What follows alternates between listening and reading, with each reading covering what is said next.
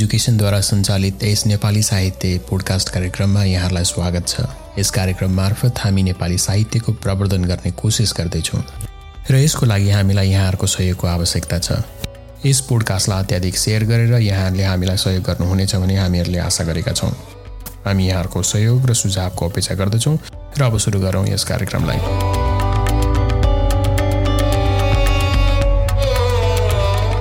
लेखन त कथाकार टङ्क भट्टराई यस सीमा कति साह्रो जाडो यो ठिहीले पुस पनि काट्न नपाइने भयो। फलाम सिंहले आफ्नो जिन्दगी जतिकै पुरानो भोटोमा हात खुसार्यो ऊ दुई तिन घन्टा अघिदेखि भट्टी पसलमा बसिरहेछ। साँझ पर्न लागिसक्यो। कतिजनाले चिया खाएर गए। कोही मस्तसँग गफ गर्दै रक्सी पिइरहेछन्।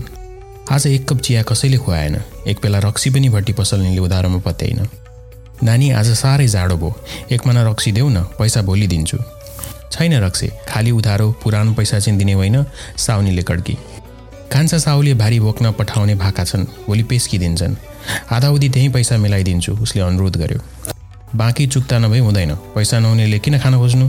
साउनी झन् निठुरी पनि फलामसिंह निन्याउरो भएर बिस्तारै उठेर बाटो लाग्न खोज्यो। साउनी त्यो बुढोलाई एकमना देऊ जाडोले कामदैछ पैसा म तिर्दिन्छु। एउटा बिस बाइसको जस्तो केटोले दया देखायो। बुढोले गोजीबाट ढिकी नुन निकालेर चाड्दै एकमना रक्सी एकैछिनमा रित्यायो। बाबुको जय होस् भनेर बाटो लाग्यो।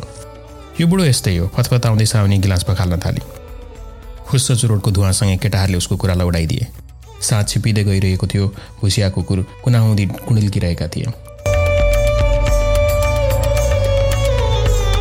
पेटमा अघाउन्जिन भात नपरेको कति दिन भयो? यसो ताता खाउँ लागेको थियो कहाँ जाने? बस्ने एउटा कटेरो थियो त्यो पनि भत्किसक्यो। हमसम्म परेका दुई फगटा बारी त्यो पनि बाँझिएर गयो। लुगाका नाममा उहिले जमदार बाली दिएको एउटा मन्नी छ। ओढो त्यही ओछ्यायो त्यही भारीमा कस्ता कस्ता फाटिसक्यो। आफन्त पनि बल र तागत हुँदासम्म रहेछन्। काम गरिन्जेलसम्म यो खाऊ ऊ खाऊ मिठो चोखो छुट्याएर राखिदिन्थे। अहिले देख्दा पनि नदेखि झैँ गर्छन् यिनै कुरा मनमा गुनगुनाउँदै ऊ आफ्नो ढल्न लागेको कटेरोमा गयो। एक मानाले उसलाई पुरै भावुक बनाइरहेको थियो। कटेरोको भित्र कुनामा त्यही च्यातिएको मन उडेर ऊ सुत्यो। पखेटा भ्याट भ्याट गर्दै एक बिहानै परतिर भाले भास्यो फलामसिंह लुक लुक कामदै उठ्यो। पेटमा अन्न परेको छैन। कुनातिर खाँदेको जडोरी फोटो र दौरा लायो। सुनी उद्रेका टोपी कता परेछ निकै बेर खोज्यो र पछि भेट्यो। फित्ता घाँसेका भुक्के चप्पल पड्काउँदै ढाकर र तोकमा बोकेर ऊ कान्छा साहुकोतिर लाग्यो।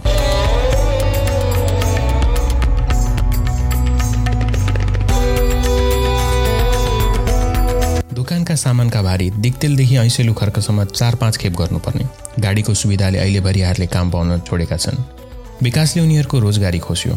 सुको पैसा नहुने र अरू सिप नहुनेलाई अर्को पेसा परिवर्तन गर्न पनि गाह्रो। दुई तिन ठाउँका बाटो हुँदै सदरमुकामसम्म गाडी जान थाल्यो। बाटो बिग्रेका बेला र गाडी नपुगेका सदरमुकामभन्दा टाढाका व्यापारिक ठाउँहरूमा मात्र भारी बोक्न पाइन्छ। हिजो आज फलाम सिंहले यस्तै मौकामा मात्र रोजगारी पाउँछ। र केही दिनसम्म खानाका लागि जोहो गर्छ। भारी बोक्न नपाएका बेला कहिलेकाहीँ ऊ बाटो बिग्रोस् गाडी नचलोस् भनेर भगवान्सँग पुकारा पनि गर्छ। भारी उसको जिन्दगी।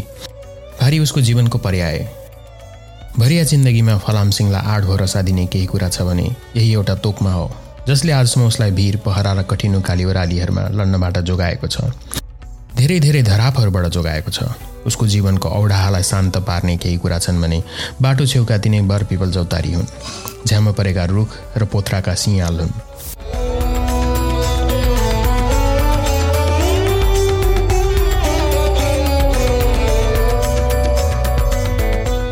जीवनमा यो गीत उसले धेरैचोटि सुन्यो। सिमली छायामा बसी उसले कतिचोटि पसिना पुछ्यो। कतिचोटि आँसु बगायो।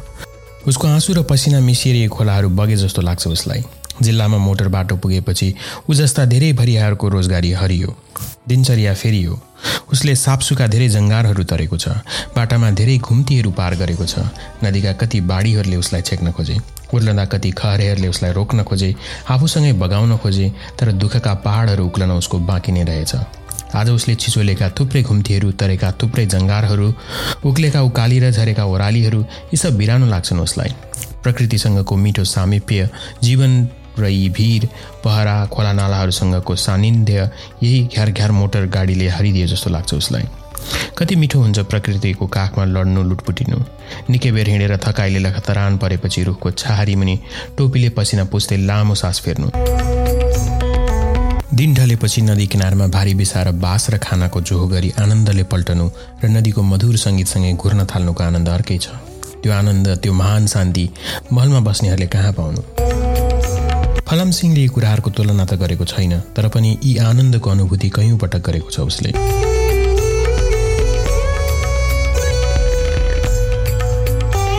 कान्छा साहुको पसलको भारी भोलि जसरी पनि पुर्याउनु छ। इमानको भारी बोकेर फलाम सिंह दिक्तेलबाट ऐसेलु खर्कतिर हिँडिरहेछ। दिन ढल्क्यो घाम पारी डाँडाबाट ओह्रालो छरे दिनभरि मस्तसँग चरेका वस्तुभाव आफ्नै गोठ सम्झेर फर्कन थाले। चराचुरुङ्गी बास बस्ने तर्खर गर्न लागे बाटोको एउटा पुरानो चिया दोकानमा फलाम सिंहले भारी बिसायो। दोकानमा जम्मा भएका मान्छेहरू आ आफ्नै धुनमा व्यस्त थिए। कोही चिया पिउँदै थिए कोही छनुवा तान्दै थिए कोही पुरानो सिसीबाट खोयाको बिर्को निकाल्दै थिए। फलाम सिंहले आफ्नो सामल दिएर साउनीसित भात पकाइ माग्यो र थकाइ मेट्ने एक माना रक्सी पनि माग्यो। यतिकैमा एक जोडी अधभैँसी पनि त्यहाँ बस्न आइपुगे। तिनीहरूले खानाको अर्डर गरे। एउटा भाले काट्न लगाए लोग्ने चाइले सितनसँग रक्सी पिन थाल्यो। स्वास्नी छेउमै टाँसेर बसेकी थिए। घरिघरि तिनीहरू के के बात मार्दै मरिमरि हाँस्थे। स्वास्नी मस्किन्थे रक्सीले रमरम भएको लोग्ने भुतुक्कै हुन्थ्यो। तिनीहरूले मजासँग कुखुराको मासु र भात खाए र बेलैमै भित्रपट्टि कतै एकान्त कुनातिर सुत्न गए।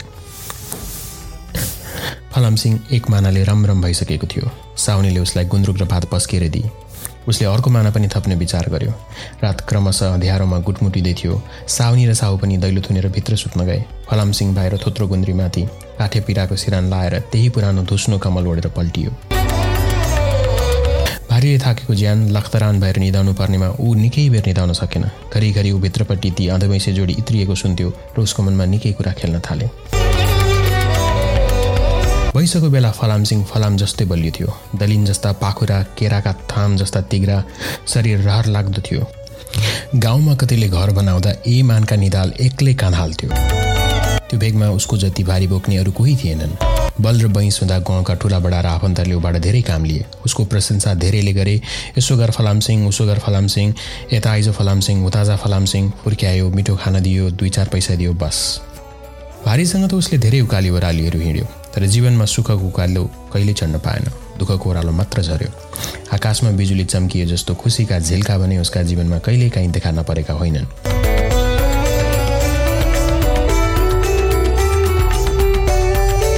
त्यो बाटुली उसले एकाएक बाटुलीलाई सम्झ्यो। बाटुली उसको जीवनसँग एकचोटि जोडिएकी थिए। कति खुसी थिए ऊ त्यो बेला।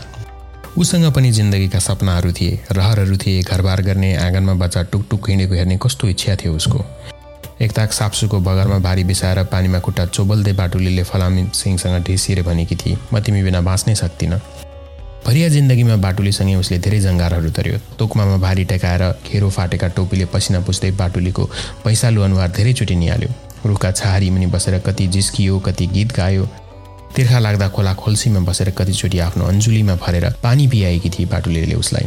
अरूको आँखा छलेर कतिचोटि पानी छ्यापेकी थिए घरिघरि त कस्तरी आँखा सन्काउँथे अनि ऊ कस्तरी रोमाञ्चित हुन्थ्यो। कहिलेकाहीँ बाटुली भारी खेप्न मधेस नझर्दा ऊ कति दुखी हुन्थ्यो। ती भिर बाखा उजाड उजाड लाग्थ्यो। बगरको तातो बालुवाले छातीमै पोले जस्तो लाग्थ्यो उसलाई तर बाटुलीसँगै भारी बोकेर हिँड्न पाउँदा त्यो इमानको भारी पनि फुलको थुङ्गा जस्तो लाग्थ्यो। त्यो थाकेको ज्यानमा पनि स्फूर्ति भरिएर आउँथ्यो। बाटुलीसँगैको उसको यात्रा लामो हुन सकेन बिचमै टुङ्गियो। मुटुमाथि ढुङ्गा राखेर भरिया जिन्दगीका पलहरू व्यतीत गर्नु पर्यो उसले। कुन चाहिँ भुस्तिग्रीले उडाएछ बाटुलीलाई? अर्कैको मोहजालमा परि क्यारे ऊ? बाटुली अर्कैसँग हिँडेको थाहा पाएपछि कति दिन त भोक भोकै सुत्यो ऊ? कति रात अनिदोमै बितायो बाटुलीसँगका ती रसिला दिनहरू सम्झिँदा अब दिनहरू उजाड उजाड लाग्न थाले। जेठ मासमा बिरही न्याउलीको गीत सुनेर ऊ कति रोयो यिनै भिर पाखालाई थाहा होला। बर्खा मासमा दिन अँध्यारिएर पानी पर्न खोज्दा उसको मुटु कति दुख्यो तिनै खोला छाँगालाई थाहा होला। फलाम सिंह तन्द्राबाट बिउजियो र लामो सास फेऱ्यो कस्तो निन्द्रा नपरेको यो रात? उजुर्क उठेर पिसा फेर्न डिलतिर गयो। तल रावा खोलो सुसाइरहेको थियो। रात जुनिली थियो। आकाशमा जुन घरि बादलभित्र घरि बाहिर गर्दै थियो उसले सुर्ती सल्कायो। घडी चरो कराउने बेला चाहिँ अझै भएको थिएन। अब भने ऊ पल्टिएर निधाउने चेष्टा गर्न थाल्यो। निकै दिनपछि रावा खोलोमाथि बाटोमा एउटा लास भेटियो। एक एक गर्दै मान्छेहरू जम्मा भए बिचरा मरेछ। भन्दै कोही साक्क सुक्क सुक्क सुक्क गर्न थाले। त्यहाँ कोही ऊ कति इमानी थियो भन्थे कोही घरबार केही थिएन बाटोमै मऱ्यो भन्थे। त्यो लास फलामसिंह कार्कीको थियो। बिचमा एउटाले भन्यो यो बुढोलाई मैले अस्ति नै दिक्तेल हस्पिटलमा भेटेको थिएँ। किन आयो बुढो भनेको? खाना पाइन हजुर परिवार नियोजन गर्दा पाँच सय दिन छ अरे त्यही गर्न आएको भन्थ्यो। बिचमा अर्कोले थप्यो यसले त मृगौला पनि बेचेको अरे। मृगौला किन्छन् भन्ने उसलाई थाहा पाएको रहेछ। उसलाई कुन चाहिँ दलालले फकाएर मधेसतिर लगेछ र केही पैसा दिएर एउटा मृगौला निकालेछ। त्यो पैसाले उसले धेरै दिन रक्सी खाएछ। अब मर्छु भन्ने लागेपछि आफ्नै माटो सम्झिएर फर्किएको रहेछ। त्यतिकैमा एउटा आइमै बोली बिचरा यसको लेखन त्यही यस्तो। एउटा दुखी भरिया जीवनभर पसिना बगाएर पनि भोक भोकै रहनु रोगी र शिथिल मन लिएर थाट्न बास भई बिच बाटोमै बेसहारा जिन्दगी बिसाउनु उसको लेखन त हो कि समाज या अरू कसैको दोष हो? यो प्रश्न त्यही बाटो छेउमा सुसाइरहेका सल्लाह र बेतोडले कराउँदै कुदिरहेका रापाखोलो ओरपरका भिर पाखा र कन्दराहारमा प्रतिध्वनित हुँदै थियो तर यसको उत्तर दिने हिम्मत त्यहाँ कसैले गरेन। यहाँहरूलाई यो कार्यक्रम कस्तो लाग्यो? प्रतिक्रिया दिन नबिर्सिनुहोला। र अब अर्को कार्यक्रम लिएर नआउन्जेलसम्मको लागि यहाँहरूसँग बिदा चाहन्छु। शुभ समय।